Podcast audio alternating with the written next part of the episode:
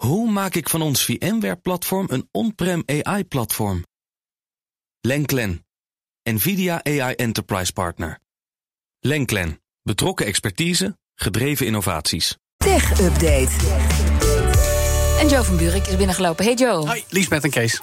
Ja, nieuws over KLM. Want eh, het bedrijf heeft zojuist bevestigd dat privégegevens van klanten zijn buitgemaakt door een hack. Ja, dat is toch een betreurenswaardigende betreurenswaardige situatie, zegt ook de luchtvaartmaatschappij zelf in een verklaring nu tegen onder meer tweakers.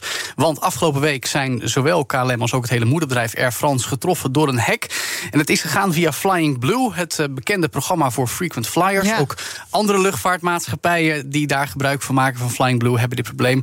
Ehm, daarbij zijn namen en contactgegevens van mensen die daar een account hebben buitgemaakt. Eh, ook hun eh, hoeveelheden gespaarde miles, recente transacties daarmee. Ze zijn overigens niet kwijt, dus mochten mensen luisteren en denken van... oh jee, ik had zoveel gespaard. het aantal blijft gewoon hetzelfde, zegt KLM. En, dat is nog het belangrijkste, Lisbeth... geen betaalgegevens, zoals creditcardnummers... die zijn ook niet Nou ja, buitgemaakt. dat is het belangrijkste. Precies, want dan kan er misbruik gemaakt worden van eh, betaalkaarten. Onbekend is om hoeveel mensen getroffen zouden zijn.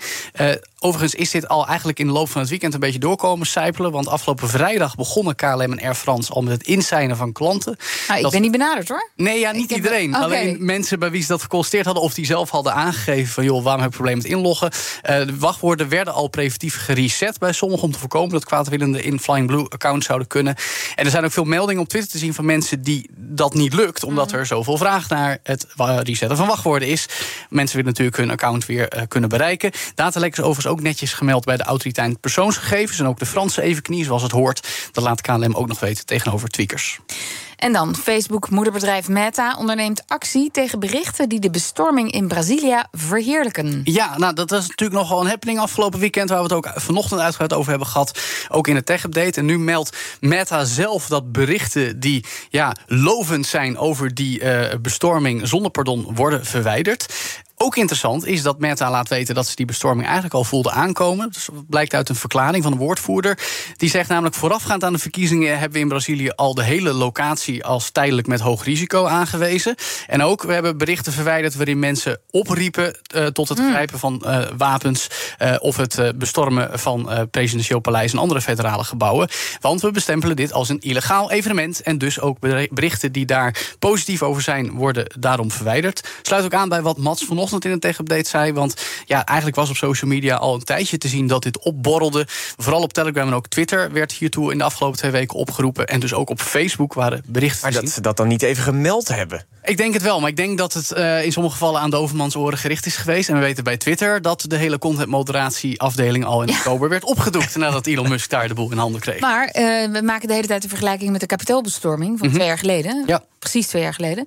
Ehm, eh, ja, heeft Meta dan een lesje geleerd van die twee jaar? Nou ja, en voor de VS ongetwijfeld wel. Voor Brazilië zijn ze daar misschien iets minder eh, alert op geweest. Los van dat ze dus wel zagen Ja. en dus nu ook wel ernaar handelen zou je kunnen zeggen. Maar ja, kijk, er is meer dan, dan Facebook. Er is ook Twitter en er is ook nog Telegram. En daar is helemaal geen moderatie.